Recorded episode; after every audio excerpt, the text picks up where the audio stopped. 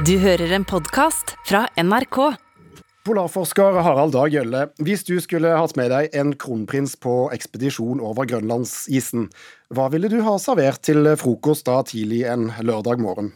Jeg har servert havregrøt med rikelig med tørrmelk og eh, lønnesirup.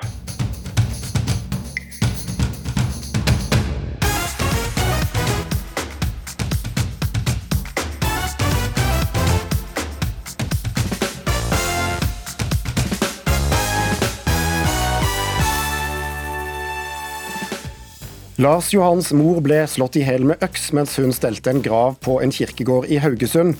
Drap begått av psykisk syke bør kunne forhindres når både helsevesen og politi kjenner gjerningsmannen, mener sønnen.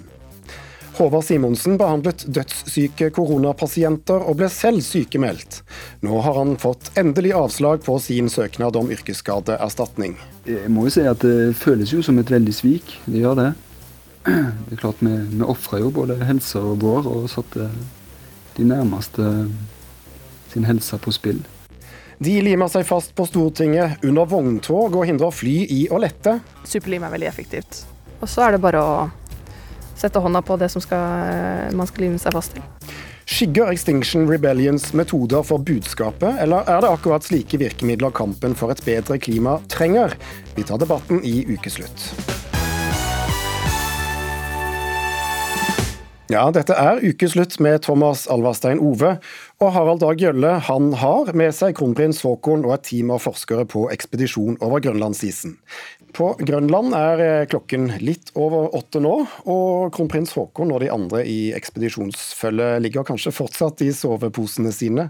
I løpet av 30 dager skal turfølget på seks eh, krysse grønlandsisen, fra Ilulissat på Vest-Grønland eh, til Daneborg på østkysten. Og det er ca. 1500 km. Med oss på satellittelefonen inne fra teltet er du polarhistoriker Harald Dag Gjølle. Du leder ekspedisjonen som 50-årsjubilanten Universitetet i Tromsø står bak. Hvordan har natten vært? Natta har vært strålende. Vi har, det var vel ca. 20 minusgrader da vi la oss, men, men, men vi har varme soveposer og sover godt. Og nå er kaffen står på kok på primusen her, så det, det er topp stemning her. De fleste ligger fortsatt i posen, og jeg har kommet opp for å, for å prate med deg. Deres første ordentlige etappe fullførte dere i går. Hvordan gikk det, og hvor langt har dere egentlig kommet? Det gikk, Alt i alt gikk det bra. Vi hadde litt kluss i starten med noe linesølv på, på kaita, men når vi kom i gang, så gikk det veldig bra. Um, og etter seks mil så fant vel egentlig fleste at nå var det på tide å gi seg, begynte å bli sent, men, men har insisterte på at vi skulle insisterte, Han foreslo fall at vi måtte ta en økt til. Og Det er vi veldig glad for, for det ble den, det ble den beste. og Da seilte vel ca. ni mil i, i, går. Det var en god start, god start på, på, på turen.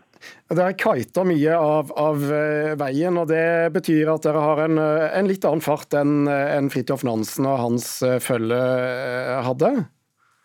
Ja, det var det veldig det er en veldig effektiv måte å ta seg fram på i, over, over, store, flate områder. Og ni mil, som en det gjorde vi på tre etapper av halvannen time, for, for, å si det sånn. og det jeg skulle gått noe tilsvarende trukke pulken sjøl, så hadde det fort gått fire dager på å tilbakelegge en, en sånn avstand. Så det er en veldig behagelig vil jeg si, og, og effektiv måte å, å, å krysse Grønland på. Du må fortelle oss, Gjølle, 50-årsjubilanten Universitetet i Tromsø arrangerer altså turen. Men hva, hva, er, hva, er, målet med å ta med dere kronprinsen ut til grønlandsisen? Altså, universitetet UiT har jo vært veldig sentrale og, og, og frampå når det gjelder polarhistorie. Og dette er liksom en måte å komme ut i felten og prøve å fortelle en, en, en en større historie, skape oppmerksomhet rundt det. Og både fortelle historie, men òg en del av hva aktivitet som foregår på innlandskysten i dag. Og det er klart at, at med å gjøre det på denne måten, ikke skape en tur rundt det, skape en ekspedisjon, skape interesse både underveis og ikke minst i en TV-dokumentar som kommer på NRK rundt juletid, så, så når du bredere og lenger enn hvis du holdt på å si bare, eller ikke bare, men hvis du skulle publisert det gjennom, gjennom skriftlige ting. Så det er en måte liksom å ta med forhåpentligvis både, både de som følger oss underveis, men, men ikke minst TV-seerne, ut på isen og fortelle en, en bredere historie innenfor flere av de feltene som, som, er sentrale for både Arktis og for virksomheten som, som UiT, Norges arktiske universitet, driver. Og Hvordan turen til slutt eh, blir, det får vi som du sier, se på TV etter hvert. Du får ha eh, god tur eh, videre, og hilse kronprins Haakon fra oss. Det skal jeg gjøre. Det skal jeg gjøre. Takk for det. Denne uken startet rettssaken mot 38-åringen som gikk løs på folk med pil og bue og kniv i Kongsberg i fjor høst. 38-åringen står tiltalt for fem drap og elleve drapsforsøk som skjedde i løpet av en snau halvtime i sentrum av byen. Kunne disse drapene vært unngått, spurte Lars Johan Skeisvold Hereid i VG på onsdag. Hereid opplevde å miste sin egen mor i 2019. Hun ble slått i hjel med øks mens hun stelte en grav i Haugesund. Gjerningsmannen ble dømt til psykisk helsevern. Lars Johan Skeisvold Hereid, velkommen til ukeslutt. Tusen takk. Du sier du har tenkt mye på hvor tilfeldig det var at moren din ble drept. Hva mener du med det? Uh, rett i forkant av uh, drapshandlingen så hadde foreldrene mine vært på en eh, jernvarebutikk før de dro ned til Kiwi. Der hadde de hatt med seg en pakke med spiker som de ved en feil ikke hadde betalt for. Og som pappa sa at uh, han ville jo ikke gjøre seg til kriminell for en pakke spiker, så han gikk tilbake og betalte for den pakken med spiker. Hadde han ikke gjort det, så hadde antakelig drap ikke skjedd. Mm. Du kaller drapet på moren din og de fem menneskene i Kongsberg for varslede drap. Hvordan da? Eh, de er varsla fordi det er veldig mange som har hatt kunnskap i forkant. Eh, de har hatt eh, kunnskap både politi og helsevesenet, og så går det mye på koordinering i forkant. At man har ikke klart å plukke de skikkelig opp og unngå nye handlinger. Moren din bodde altså i Bærum, men var i Haugesund for å se til noen hus og stelle en grav. Eh, og På kirkegården blir hun da et tilfeldig offer for en psykotisk mann med øks. Denne saken fikk mye medieoppmerksomhet, akkurat som eh, Kongsberg-saken som nå går for retten. Du savner at det skjer noe mer enn en rettssak. Hva skulle du ønske skjedde? Jeg er ikke så veldig interessert i de 40 minuttene i Kongsberg som man har dekka foreløpig. Eh, jeg er interessert i at man ser på de to årene i forkant, uten det å finne syndebukker, men for å prøve å unngå at det skjer igjen. Det er det som er eh, viktig, og det er ikke et tema i rettssaken. Hvordan skal politi og helsevesen forutse at akkurat eh, denne psykiske syke personen blant mange andre psykisk syke er, er den som kommer til å begå et drap? Først og fremst så må de snakke sammen. Det er første målet. Sånn at det er veldig hyggelig å høre hva Gullvåg og Bjørnland skal snakke om her. Som vi hørte, Lars Johan Skeisvold Hereid opplevde å miste moren sin i et brutalt øksedrap på en kirkegård i Haugesund, og mener mer må gjøres for å hindre nye drap fra gjerningspersoner med psykisk sykdom, ofte i kombinasjon med rusproblemer. Helsedirektør Bjørn Gullvåg, hadde det vært mulig å forhindre slike drap? Ja, Det er jo vanskelig å uttale seg om akkurat disse drapene. Men jeg tror eh, Hereid har helt rett i at det går an å redusere risikoen for eh, disse drapene i Norge. Og Det handler da om akkurat det han peker på, bedre informasjonsutveksling, deling eh, og samarbeid mellom politi og helse. Og det dreier seg om at vi på helsesiden gjør de riktige avveiningene i bruk av eh, tvang og selvbestemmelse. Eh, og eh, tar inn det at der hvor det er gjort farlighetsvurderinger, altså hvor man vurderer at personer er farlige, så skal denne selvbestemmelsen i større grad settes til side. Da må man likevel ha tvangstiltak. Og I tillegg så, har, så, så, er det naturligvis en veldig krevende jobb for mange helsearbeidere å gjøre gode farlighetsvurderinger. Vi har gode rutiner for det. Vi har, eh, vi har eh, verktøy som hjelper oss å gjøre det. Men det er krevende for ofte unge, kanskje uerfarne helsearbeidere å gjøre de veldig krevende oppgavene. Men Eh, jeg vil, tror jeg, også, jeg vil takke Hereid for det arbeidet han gjør for å sette oppmerksomhet på dette. fordi vi trenger også det utenforblikket for å få trykk på de endringsprosessene som vi er i gang med, men som er helt nødvendige. Politidirektør Benedikte Bjørnland, vil du si at slike drap kunne vært forhindret? Kanskje noen men ikke alle. Eh, og jeg har lyst til å starte med å, å først å si at eh, det, det, gjør jo betydelig inntrykk da, å høre på eh, historien til Skeisvoll Hereid eh, og, og, det tapet eh, han har litt. Eh, men før jeg kommer tilbake til hva vi kan gjøre bedre, så har jeg lyst til å, å vise til vår trusselvurdering for inneværende år, hvor vi sier at det er sannsynlig at det vil bli en økning i voldshendelser begått av personer med alvorlig psykisk sykdom. Eh, og det er meget sannsynlig at enkelte hendelser vil medføre tap av liv. Og så tror jeg som Gullvåg sier at vi kan gjøre mer med tanke på eh, sømløs informasjonsutveksling fra politi til helse, men ikke minst også fra helse til eh, politiet. Men hva, men hva, eh, hva, ligger til grunn for en slik vurdering fra Politidirektoratets side? Er det da at dere ser at, at det er hull i systemet, eller ser dere at det blir flere psykisk syke? Når vi har, eh, det vi baserer det på, er en rapportert økning i slike hendelser. Eh, så er det også basert på endringer i tjenestetilbud eh, til personer med psykisk syke og som, som, har psykisk sykdom, og ikke minst en lovendring som ble gjort i 2017 som endret eller hevet terskelen for å kunne bruke tvang overfor personer som er psykisk syke. Og så legger vi også til grunn at pandemien kan har forverret situasjonen til personer med alvorlige psykiske lidelser. Men dette her er jo ikke, er jo ikke en fasit jeg kommer med, det er en prediksjon uh, basert på enkelte uh, utviklingstrekk i, i, sentrale drivere. Da. Mm. Men jeg har lyst til å fortsette med å si at uh, det har vært en undersø undersøkelseskommisjon for helse- og omsorgstjenester som har den skal, vi, den skal, vi, snart komme tilbake til. Ja. Bjørnland har bare lyst til å spørre Gullvåg først.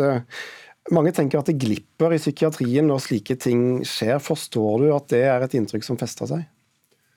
Jeg forstår at eh, det kan glippe på eh, flere fronter, og også innenfor psykiatrien. Og så vil jeg jo si at eh, det er en veldig vanskelig oppgave som psykiatrien har i å forsikre seg om at disse tingene blir gjort på en korrekt måte. Så dette handler også om kvalitet og kapasitet i, i tjenesten. Mm.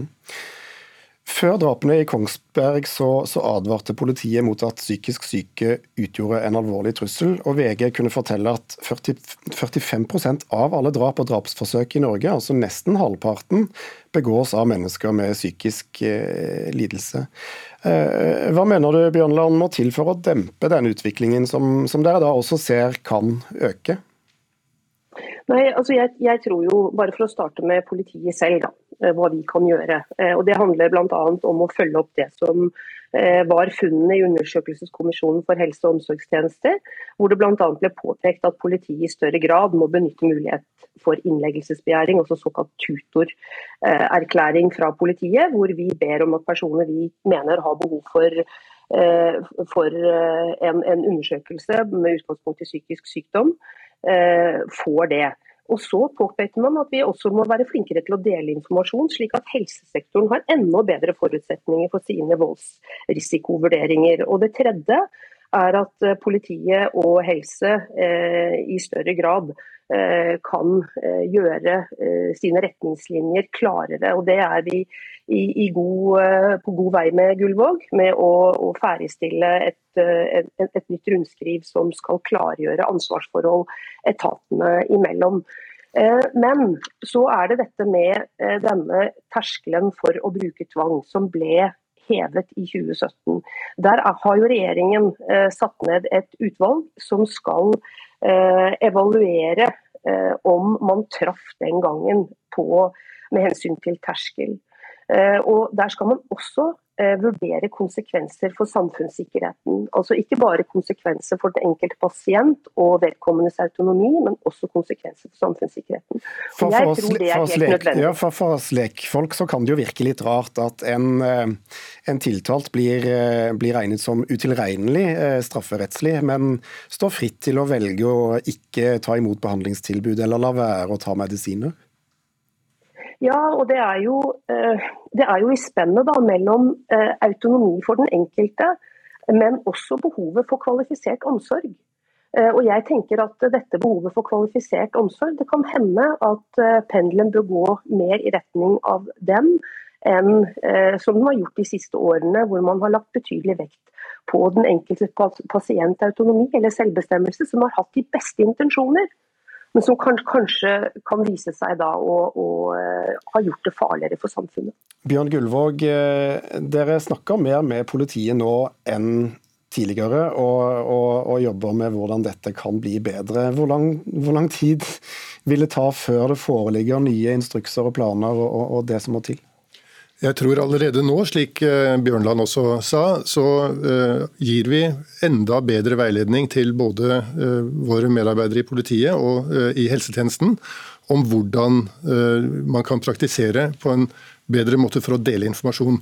Og Det gjelder, som Bjørnland sa, både ved at politiet kan begjære tvunget psykisk helsevern, og på den måten få dialog om pasientene på en helt annen måte og Vi tror også, og anbefaler, at helsetjenesten i større grad skal kunne eh, be om eh, informasjon fra eh, sakkyndige som politiet har brukt. Og også den historien med vold som politiet er kjent med, sånn at vi kan gjøre bedre faglige, faglige farlighetsvurderinger i helsetjenesten. Disse tingene vil danne et bedre grunnlag for at vi kan legge opp gode forløp for den enkelte, som både handler om sikkerhet og behandling. Lars Johan Skeisvold Herreid, føler du deg trygg på at eh, dette, denne historikken vi har bak oss kan bli annerledes fremover? Jeg tror at det er mye som må gjøres på, på utover det å skrive rundskriv. Eh, vi har et ansvar i lovverket i dag hvor det er faktisk lovfestet at behandlende lege av folk som er dømt, ikke trenger å lese rettspsykiatrisk rapport som inneholder voldshistorikken. Så lenge det er lovfestet at man ikke trenger å lese historikken, så har vi fortsatt et eh, politisk engasjement som må opp og frem i lyset. Takk skal du ha, Lars Johan Skeisvold Hereid, for at du kom til ukeslutt. Takk også til helsedirektør Bjørn Gullvåg, og takk til politidirektør Benedikte Bjørnland. Du hører på Ukeslutt. Bli med oss videre, så får du høre at det er en historisk dag i dag når Barcelona møter Lyon i kvinnenes mesterligafinale i fotball. Norge får gull uansett. Veldig viktig og kult for norsk fotball at vi har tre nordmenn i eh, kanskje den største, største kampen i fotballen. Kun fag og ingen lek. Timeplanen til førsteklassingene er til å gråte av, sier småbarnsfar og lærer, som møter kollegaer til debatt. Var du en av dem som klappet for helsevesenet da koronaen kom til Norge? Da pandemien kom her til landet, var det først og fremst de som jobbet i helsevesenet som sto i førstelinjen i kampen mot viruset. Nå må mange av dem kjempe for å få yrkesskadeerstatning etter å selv ha blitt smittet med covid-19. Så jeg gikk jo fra å være helt lungefrisk og i mye aktivitet. Jeg padla og løp og svømte. Så eh, fra å være helt lungefrisk, så er jeg nå avhengig av medisiner daglig. Intensivsykepleier Håvard Simonsen behandlet noen av de første alvorlig koronasyke i Norge. Og har en eh, pust som da påvirker meg daglig i daglig gjøremål.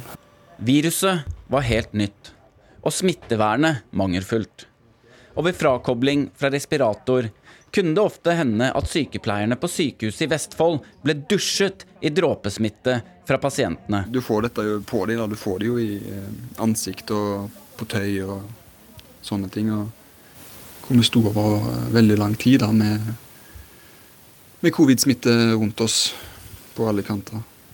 Tre, to, én Samtidig heier hele Norge på sykepleierne. Og så vil jeg bare legge til, Det jobber 280 000 personer i den norske helse- og omsorgstjenesten. Og Det er de som nå skal risikere egen helse for å redde oss.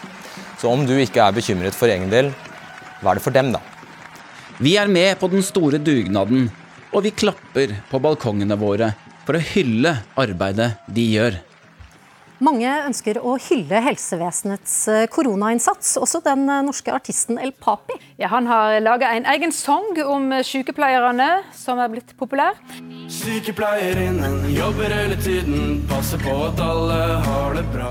Artisten El Papis hit 'Sykepleierinnen' lå 23 uker på VG-lista Topp 20. For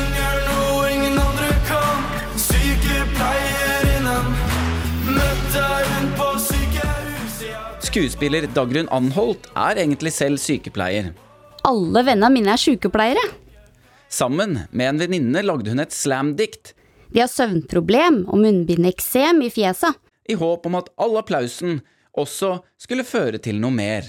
Og vondter, her eller der, i knær eller hæl, og jeg er faktisk sykepleier sjæl. Kanskje ved det neste lønnsoppgjøret får vi mer enn glansbilder og knapper, og folk som klapper, på skuldra, og på balkongen. Og regjeringen endra faktisk på reglene, så korona kunne registreres som en yrkesskade. Dette skulle sikre at sykepleierne ikke skulle lide økonomiske tap om de ble alvorlig syke av covid-19. Og like etter, mot slutten av april 2020, ble intensivsykepleier Håvard selv syk. Jeg hadde jo tatt en test på jobben når jeg merka symptomene, men eh, jeg fikk jo aldri tatt noen ny test før det var gått lang tid. Håvard forteller at han testet seg mens han var på jobb. En gang i mars, og en gang før han ble syk i april. Alle testene var negative. Senere, da han lå hjemme og slet med pusten, fikk han ingen ny test. Og da han til sommeren testet seg for antistoffer, fant de heller ingenting. Jeg har jo vært hos eh, flere behandlende leger og prøvd å få gode svar, og de sier jo det samme alle sammen. At dette mener de skyldes covid-19. I slutten av april i år sto Håvard Simonsen frem i NRK mens saken hans fortsatt var til behandling. Nå er saken avsluttet og anken avvist. Hvordan Nav da kan overprøve deres yrkesfaglige mening, det syns jeg er uforståelig. Det er en spesiell og sjelden sak som gjelder Håvard Simonsen. Han er bare én av ti personer som har fått avslag fordi eh, vi vurderer at sykdommen ikke er dokumentert. Hans Christian Holte er arbeidsdirektør for Arbeidsdirektoratet og svarer for Nav i denne saken. Vi tviler ikke på at han har eh, vært syk, er syk og har alvorlige komplikasjoner, men det er ikke dokumentert at han har hatt eh, covid-19 grunnet at han har disse negative testene eh, mens han hadde symptomer. Men likevel, har vi ikke vært gjennom nok tester nå alle sammen til å vite at, at disse testene ikke er helt 100 der, det, der er det altså slik i dette tilfellet at med tre negative PCR-tester og en negativ test for antistoffer, så ser ikke vi at vi kan ha et grunnlag for å si at uh, denne personen har hatt uh, covid. Så det er uh, bakgrunnen for den konklusjonen vi har trukket i denne konkrete saken. Jeg må jo si at det føles jo som et veldig svik. Det gjør det. Det er klart Vi, vi ofra jo både helsa vår og satte de nærmeste sin helse på spill. Livet til Håvard preges fortsatt av sykdommen han har vært gjennom. Han orket ikke å fortsette som intensivsykepleier, men han vil fortsette som sykepleier på en annen avdeling. Formen i dag er en helt annen enn før eh, covid-19 traff oss på sykehuset. Da var jeg jo helt frisk. Jeg hadde jo ikke noen lungeproblemer eller noe, noe slag.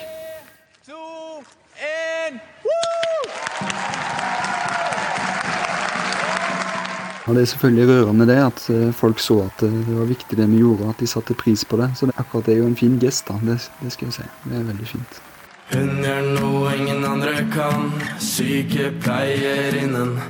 Møtte hun på sykehuset, har tenkt på henne siden. Sykepleierinnen jobber hele tiden, passer på at alle har det bra. En lege uten grenser, de er våre helter. Sammen skal vi feire dem i dag. For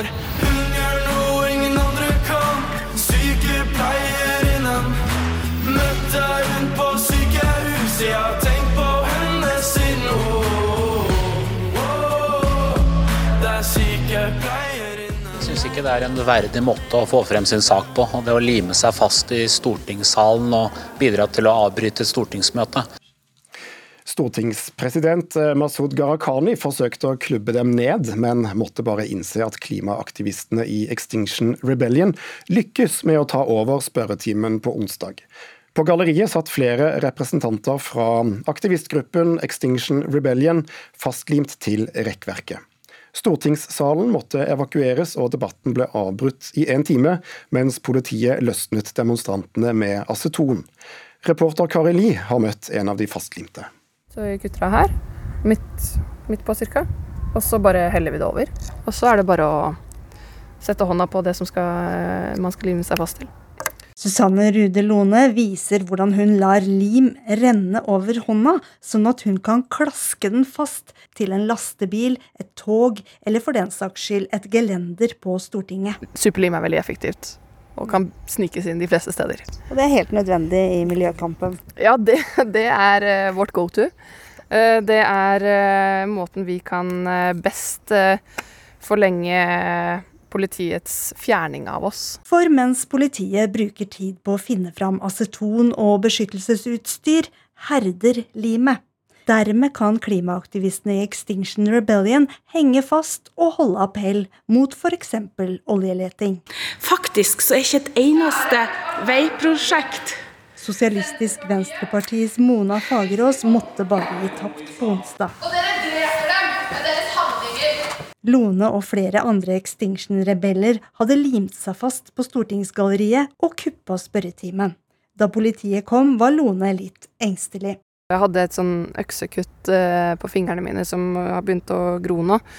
Eh, men huden er veldig tynn der. Eh, så sa jeg det til dem at, bare sånn, at det er sagt, det kan rives opp hvis, hvis dere er litt for voldsomme. Så var de sånn ja, men det, det skal vi selvfølgelig bare si fra når det gjør vondt, da. Og så gikk det greit.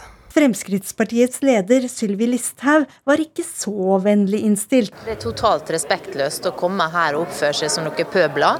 Jeg håper at politiet nå gir dem klekkelige bøter, sånn at vi får slutt på dette her eh, som de holder på med. Jeg kunne kanskje ikke brydd meg mindre, egentlig. Eh, hun, eh, hun har sine holdninger, og hun er åpenbart ikke en person som tar klimakrisa på det alvoret som, som det trengs. Altså, Hva er reaksjonen du får? Ja, altså det er jo Stort sett så får vi bøter. Um, nå har vi jo blitt anmeldt for aksjonen på onsdag. Så er vi jo så heldige at vi har et system som gir oss strafferabatt. Så jo flere bøter du har, jo mer rabatt får du. Hva om folk eh, bare husker eh, limet og ikke saken? Eh, det er jo typisk det som, eh, som skjer eh, rundt aksjonene våre. At spesielt også media da, fokuserer på på eh, det sivile ulydige istedenfor uh, istedenfor saken. Uh, det kan være ganske frustrerende til tider. Men vi har ikke noe valg. Det, altså, vi har holdt på i 30-40 år nå, klimabevegelsen, miljøbevegelsen, med å få i gang en altså handlingsplan, liksom. Og det, det, har ikke hjulpet. Så det er, det er liksom siste utvei, da. Noen ville kanskje gitt eh, demonstrantene på Stortinget en eh, banan i stedet for, for eh, Extinction Rebellion de sørget for at Stortinget måtte ta en times pause på onsdag. Og Det har allerede blitt delt ut bøter, og Stortingets presidentskap har politianmeldt demonstrasjonen. Det er nok verken første eller siste gang vi får se en demonstrasjon fra Extinction Rebellion her i landet. De siste månedene har de bl.a. okkupert inngangen til departementene i regjeringskvartalet. De har blokkert store veier og hindret trafikken, og de avbrøt gudstjenesten og skremte dåpsfølget i Skien kirke første påskedag. Sylvi Listhaug, leder i Fremskrittspartiet. Du kaller dem rett og slett pøbler. Hvorfor det? Nei, fordi de respekterer ikke de spillereglene som er i samfunnet. Det er sånn at vi har et demokratisk valgt storting. Det er folket som har stemt inn de kandidatene som sitter. De vil også ha oppnevnt et, et borgerråd som skal representere folkemeninga. Vel, det er altså det Stortinget er. Det er en sammensetning som folket har stemt inn. Eh, og jeg må si at jeg syns det er også behov for et, eh, en stor opplæring i folkeskikk når vi ser hvordan de holder på. Ikke minst når de gikk inn i kirka, eh, der de hadde da spikra opp en haug med døde dyr. Eh, og skremte da både barn og de som var til stede der. Så det dette er pøbelstreker uansett om det skjer på Stortingsgalleriet eller et annet sted? Er det usmakelig, og jeg tror jo det de ødelegger for saka. Jeg tror folk også ser at budskapet er helt fullstendig virkelighetsfjernt. Når man tar til orde for å legge ned norsk olje og gass nå, når vi ser Putins makt over Europa, så skjønner de fleste oppegående mennesker at norsk olje- og gassproduksjon er viktigere enn noen gang. Arild Hermstad, nestleder i Miljøpartiet De Grønne. Syns du dette er pøbelskap? Jeg tror at det Vi ser er, vi støtter ikke de aksjonsformene som er nevnt her. Eh, men jeg tror det vi ser fra Extinction Rebellion er noe vi kommer til å se mye mer av. Eh, for det at eh, den klimasituasjonen vi står i er ekstrem. Og hvis du hadde spurt FN-sjefen Antonio Guterres om han ville kalt disse aksjonistene for pøbler, så er jeg ganske usikker. Hans harme og hans sinne har så langt rettet seg mot politikere som ikke følger opp eh, de rapporter som kommer fra FNs klimapanel. Eh, og Han sa forrige dagen at energisystemene i verden er ødelagt. og Det betyr at land som forsterker den ødeleggelsen, sånn som Norge gjør, med å pumpe opp enda mer olje og gass, Eh, de er med på å ødelegge energisystemene våre enda mer i verden. Men, men MDG er, eh, mener Stortinget er en dårlig arena for en slik eh, sivil ulydighetsaksjon. Men, men, det høres ut som du mener det trengs slike aksjoner ellers? Jeg har i hvert fall respekt for at folk har lov å ytre seg sånn som de vil, og at sivil ulydighet er noe som til alle tider har foregått, og i alle typer samfunn.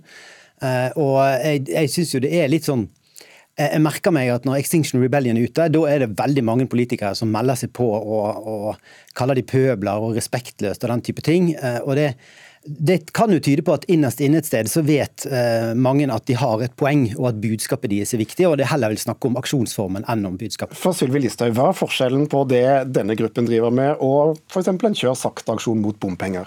Altså her går de jo inn i eh, institusjoner. altså De var jo også i Olje- og energidepartementet. Det er jo fint å høre at eh, MDG nå ikke støtter aksjon på Stortinget. Men Rasmus Hansson støtter jo helhjertet opp om at man lenker seg fast i Olje- og energidepartementet. Eh, Lan Marie Berg var jo deltakende i denne aksjonen som denne gruppa, som jeg vil si er ganske så ekstrem, hadde foran den brasilianske ambassaden. Sånn at det, her, her bidrar man til til å legitimere en organisasjon som er helt ekstrem.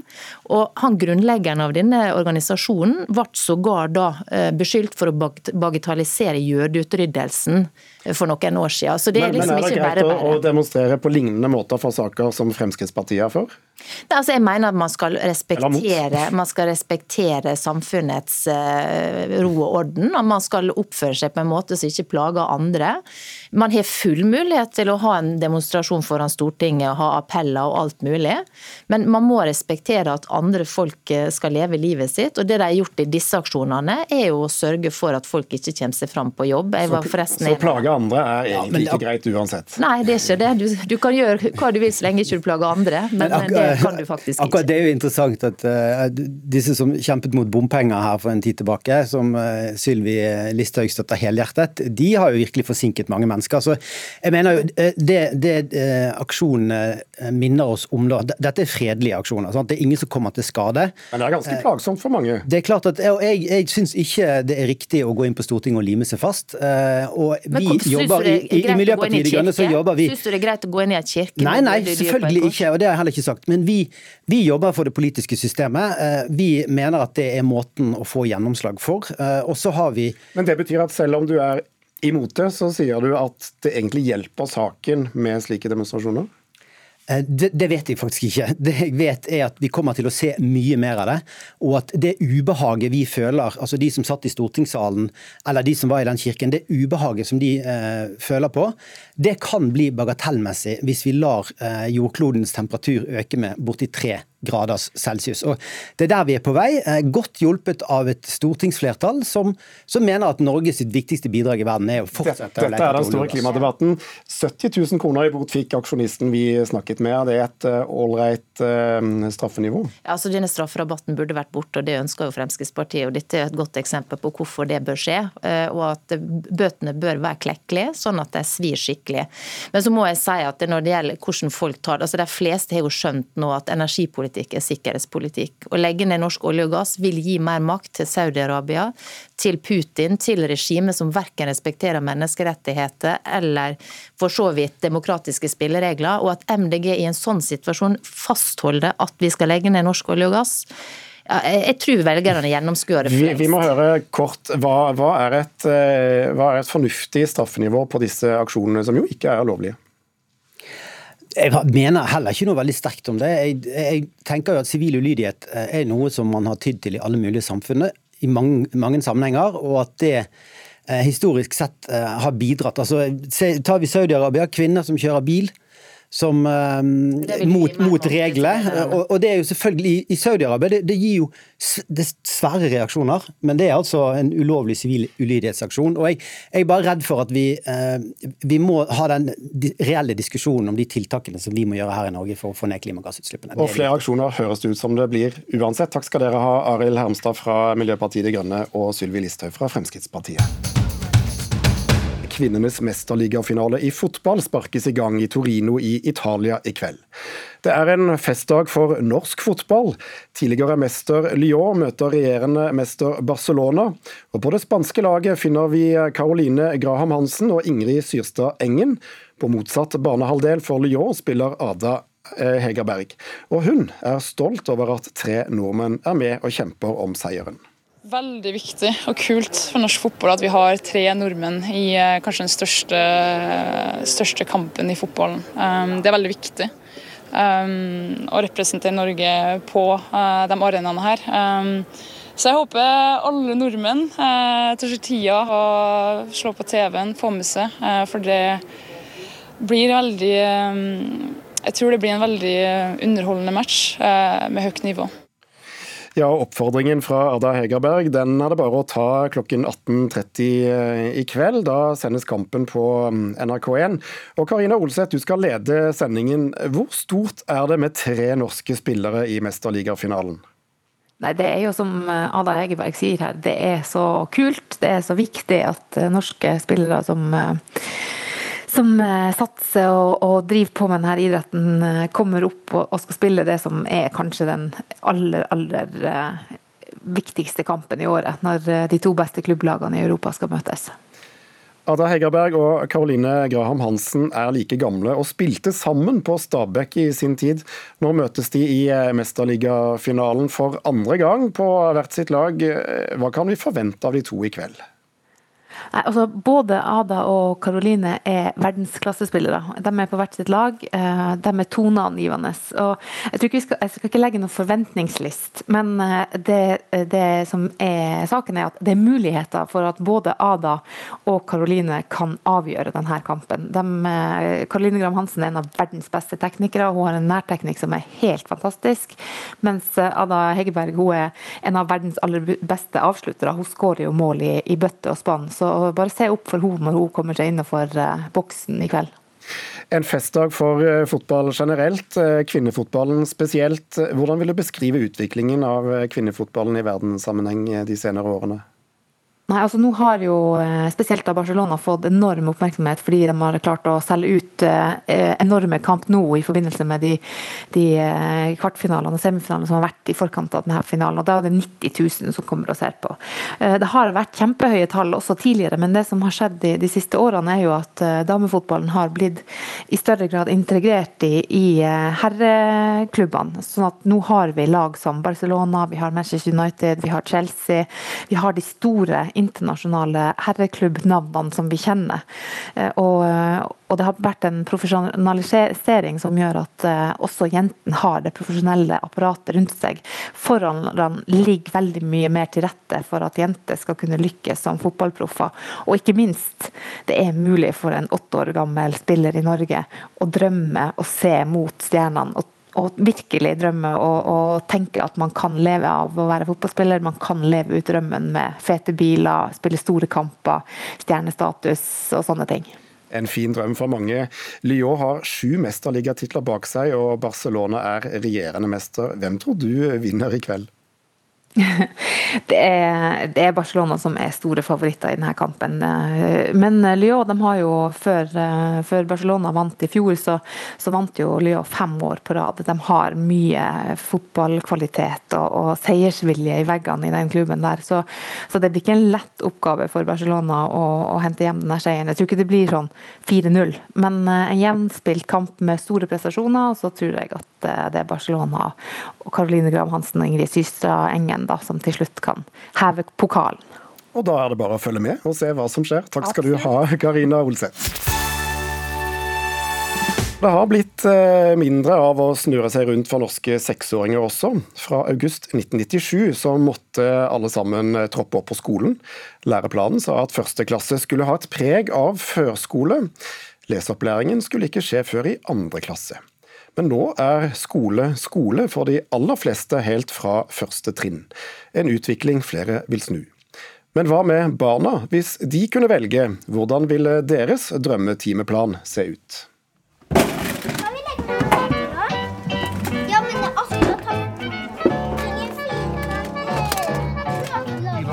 Hvis dere var lærer, hva ville dere endra på? Jeg hadde lyst til å endre på at, eh, at, alle barna kunne bestemme hva man ville gjøre. At, at vi kunne ta med kjæledyren vår på skolen og se på TV og spille. Kanskje lekt hvor man vil, og lekt med man vil. Og så kunne man bestemme hvilken klasse man skulle gå i. Hvilken klasse skulle du ønske du gikk i, da? Um, syvende. Hva er drømmeskolen din da, Solan?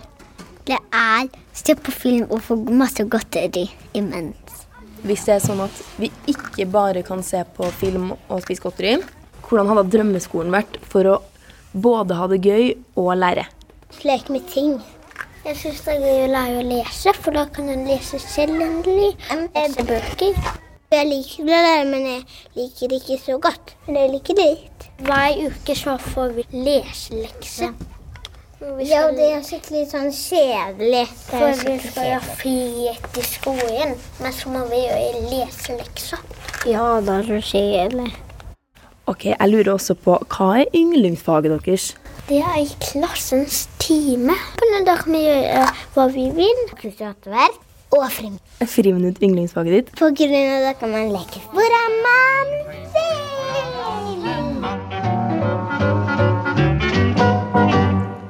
Reporter Susanne Njølstad Skansen møtte seksåringer ved Kringsjå skole i Oslo. Om få måneder er det mange barnehagebarn som skal bli skolebarn. I stedet for å fylle dagene med lek, skal de sitte stille og lære fag. Til og med matpausene fylles med faglig innhold på flere skoler. Det skrev pappa og lærer Daniel Hageland i Bergens Tidende. Tittelen på innlegget var 'Timeplanen til en seksåring er til å gråte av'. Hva er det med timeplanen for seksåringene som får deg til å gråte, Daniel Hageland? Nei, Det er litt sånn, eh, det er litt forskjellig. Nå, eh, For å ta på en måte bakteppet av hvorfor jeg skrev denne teksten, det er jo fordi at Sønnen min som er fem år, han begynner, på, han begynner på skolen nå. Eh, og han er en aktiv gutt som er veldig glad i å være ute. Han er veldig glad i å leke. Og han har den friheten i barnehagen. Eh, de er ikke styrt av at dette og dette De har selvfølgelig planer, men det er ikke så styrt som skolen er. Og når han kommer på skolen, så vil det bli annerledes. Han vil ha en ganske fast timeplan. Du begynner på skolen da, du slutter da. Og de har òg en ganske sånn hva skal man si, en litt sånn stram timeinndeling fra dag til dag. Og ganske mange læringsmål òg som, som skal jobbes med i løpet av året. Så det er det jeg rett og slett begynner å gråte av tanken på den mestringsarenaen han har nå i barnehagen, den forsvinner fra juli til august. Det er snakk om en måned. Og så er det inn i skolens litt mer eh, ja, rigide rammer av de fagene som vi skriver. Det er norsk, engelsk, matematikk, kunst, gym. Som da skal fylle uka som han skal gjennom uke etter uke. Og til og med i matpausen, skriver du, kommer det faglig påfyll. Eh, hva skjer da?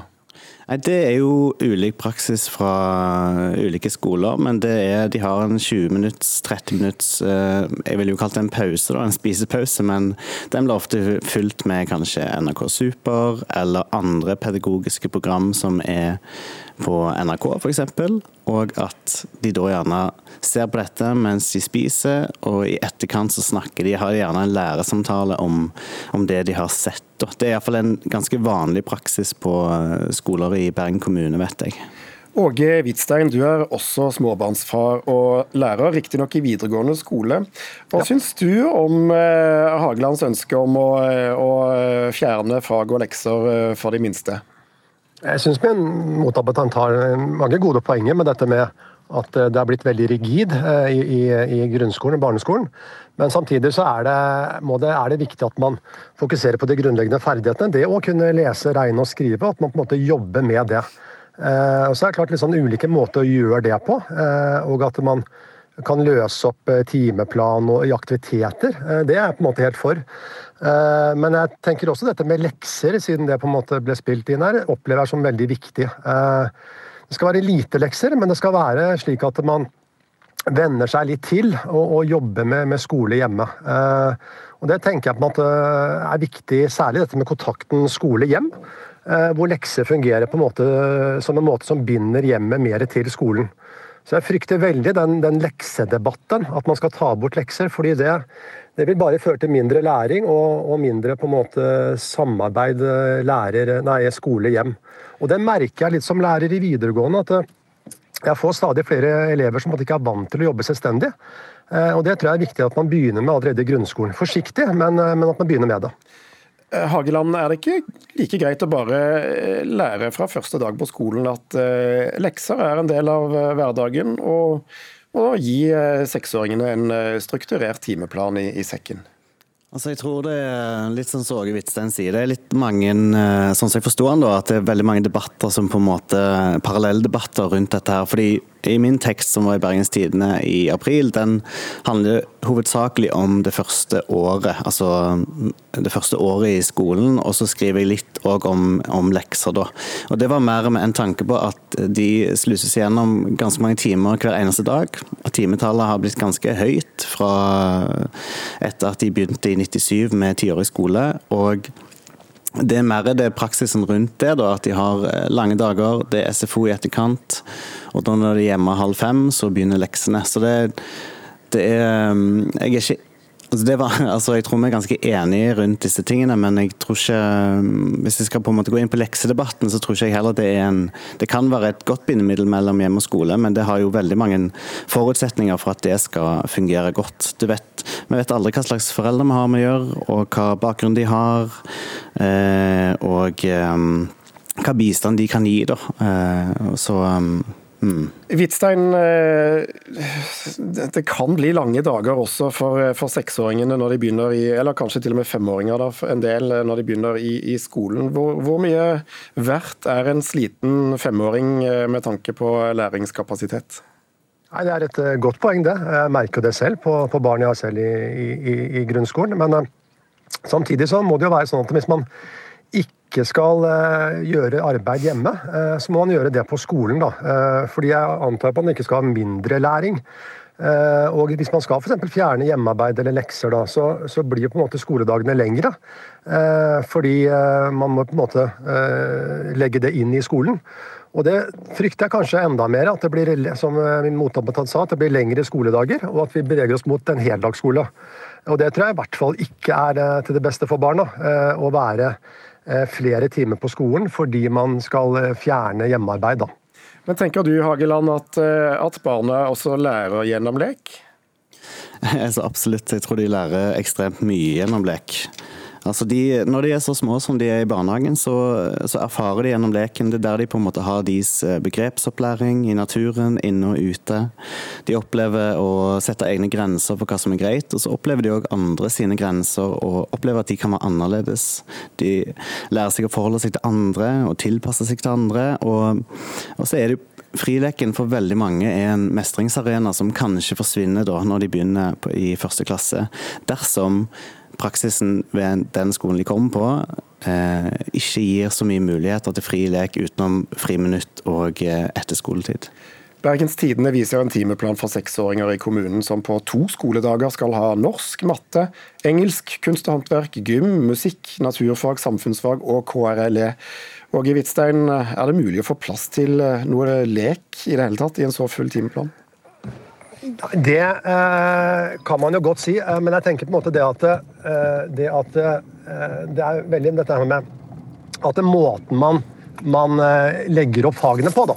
Eh, og det er jeg veldig enig i det som Hageland snakket om. på en måte at Hvordan man tilnærmer seg fagene. og dette med stillesitting og, og lange dager. det frykter jeg veldig, jeg også. altså En skole som på en måte skal passe for den A4-eleven, hva nå enn det er. så Det er en veldig viktig debatt. det med og tenke både lek som tilnærming til grunnleggende ferdigheter og, og, andre fag. Det er særdeles viktig. Eh, og jeg opplever det samme som eh, en del av det som ble skrevet i artiklene, eller i leserinnlegget i Bergens Tidende, at eh, man beveger seg i retningen med mer stillesitting, mer faglige krav på en sånn veldig sånn teoretisk måte. Og Det støtter jeg Hageland veldig at det, det er skummelt. altså. Særlig de første to årene, kanskje. Vi kan slå fast at debatten fortsetter. Takk skal dere ha, Åge Hvitstein og Daniel Hageland. Vi skal snart til Cannes, der den tradisjonsrike og glamorøse filmfestivalen er i gang. We're gonna present to tonight a Palme d'Or d'honneur. Tom er Tom Cruise, som ble overrasket med en ærespris denne uken. Begeistringen kunne knapt vært større for at han blåser nytt liv i Top Gun. Vår mann er på plass i festivalbyen.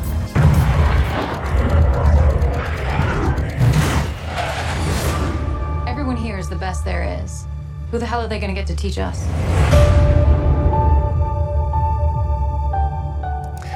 Lyden av F-14 Tomcat jagerfly, slik Hollywood flyr dem, for nå er Tom Cruise ute og flyr igjen. Etter 37 år kommer nå oppfølgeren til den svært så populære 80-tallsfilmen Top Gun, Top Gun Maverick, Tom Cruise er jagerpiloten Maverick som denne gangen returnerer som lærer for neste generasjon piloter ved Top Gun-skolen i USA. Good morning, aviators. This is your captain speaking. Today's exercise is dogfighting. Two versus one? You gotta be kidding.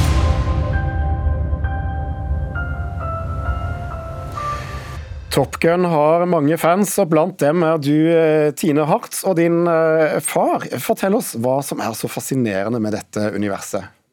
Nei, det er jo en kultfilm, da. Veldig unik film eh, som mange har fulgt med på i mange år, inkludert eh, min far. Eh, så han har vel fått meg til å se filmen allerede fra jeg var fem-seks år gammel, og, og fulgt med hele livet. Så det er en, en veldig unik film. Du er kunstner og malte rett og slett eh, et motiv fra filmen på bilen til eh, faren din. Eh, hva malte du?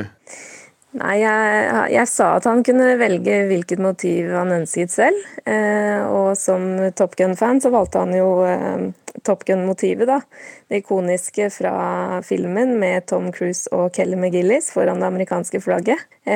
så tok jeg noen justeringer på selve bildet, og malte da eller motivlakkerte dette motivet på panseret til korvetten til min far. Hva slags oppsikt vekker det når han er ute og kjører, eh, eller om du låner bilen hans? Eh, nei, det er mange som har fått med seg historien om at Tom Cruise signerte da dette panseret i 2020. Så, så, de som kjenner til historien, de, de legger definitivt merke til den bilen og og mange tror jo ikke på at det er håndmalt, men det er det jo. Så, så hender vi må forklare litt hvor mye jobb som ligger bak, og at det ikke faktisk bare er noe som er teipet på.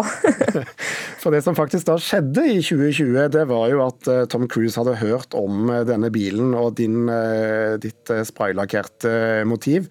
Da var han på innspilling av Mission Impossible i, i Åndalsnes-traktene. Og TV 2s bilprogram Broom filmet et møte dere faktisk fikk. La oss høre hvordan det gikk. I'm honored that it's on your car. I like your car. I like your taste in movies. just seeing you it's just unreal. You created it. You made it happen. It's incredible. Like your work is fantastic. By the Oh my way. gosh, thank you so much. That means the world to me. Thank you. Ja, hva, hva tenkte du når eh, Tom Cruise passerte ut av helikopteret sitt og, for å ta bilen eh, nærmere i øyensyn? Nei, det var ganske uvirkelig, da. Eh, Det at han hadde satt av tid til oss. Eh, Vi hadde jo kjørt helt fra eh, God morgen Norge den dagen, og så vidt vi vet så har han på en måte fått sett motivet og sett bilen, og hadde veldig lyst til å komme og, og møte oss og, og se dette motivet. Så det ble jo eh, en 40 minutter lang seanse, faktisk, eh, hvor han signerte både panseret og inne i bilen og snakket med oss om innspillingen av Top Gun 2. og, og han hadde også ringt datteren sin, Bella Kidman Cruise, og sendt over bilde av bilen på forhånd. Og de hadde lett etter en hjemmeside hos meg, noe de ikke fant, fordi jeg syns det er vanskelig å promotere meg selv som kunstner.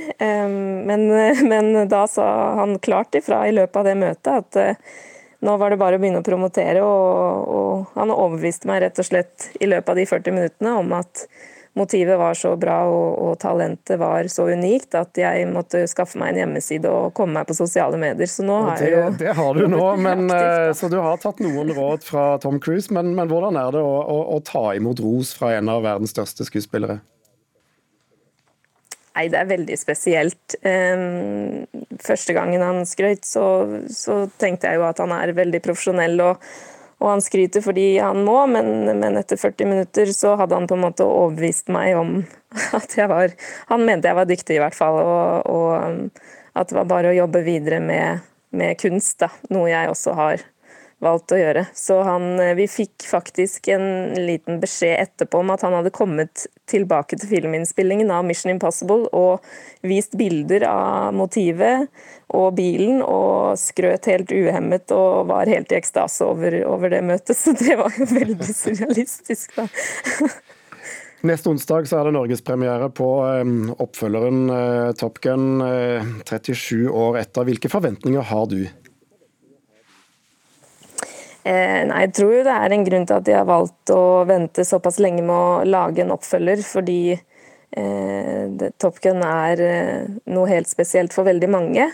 Når jeg begynte å lese litt kritikker og ser at det ser bra ut, og han fortalte meg under møtet at han var også i sitt yrke, sånn som jeg var, veldig detaljert og, og grundig i det han gjorde. Så jeg regner med at så lenge han er en del av teamet her, så, så tror jeg at den, den kommer til å slå an veldig. Og vi er jo faktisk på plass med bilen på premieren på Colosseum kino neste onsdag.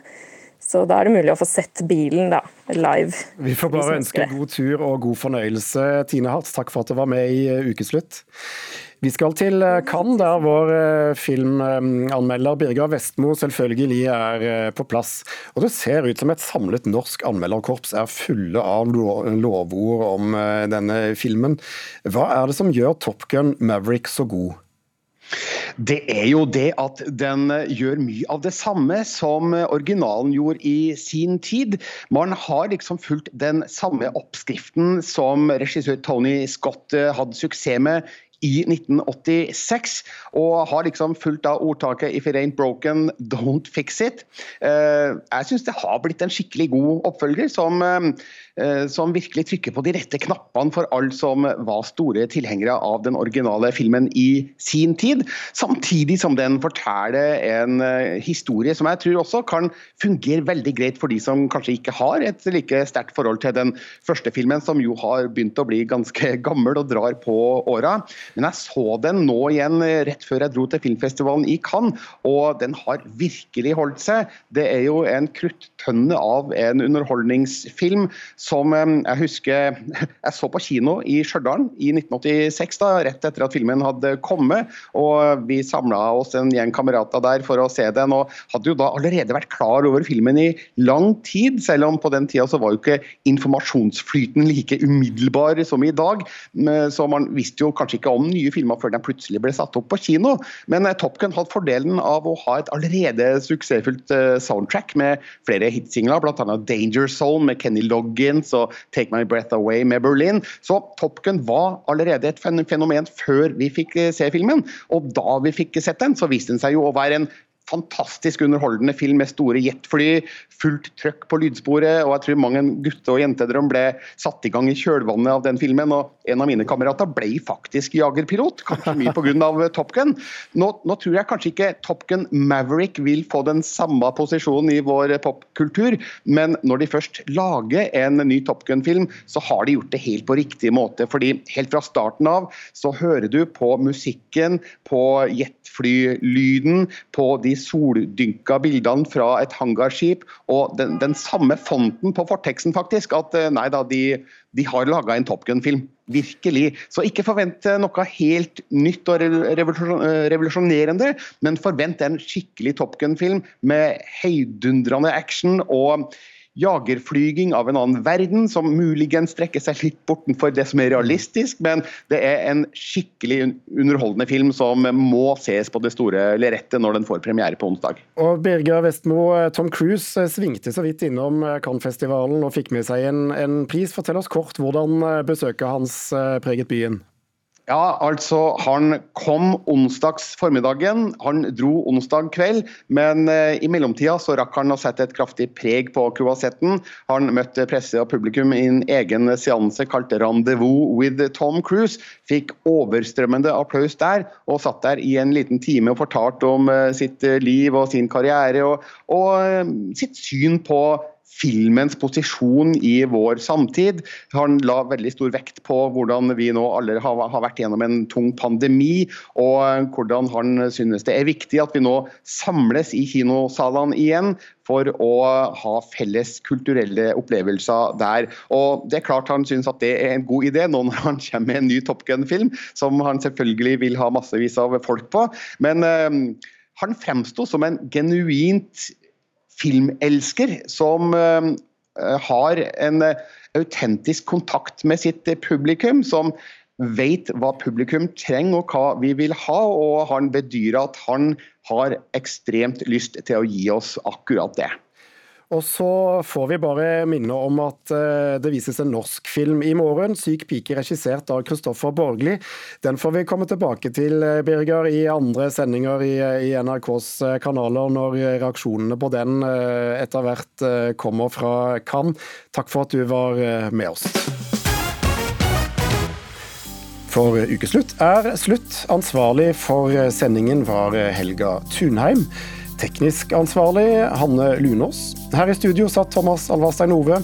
Vi ønsker deg en god helg og riktig god radiodag videre. En podkast fra NRK.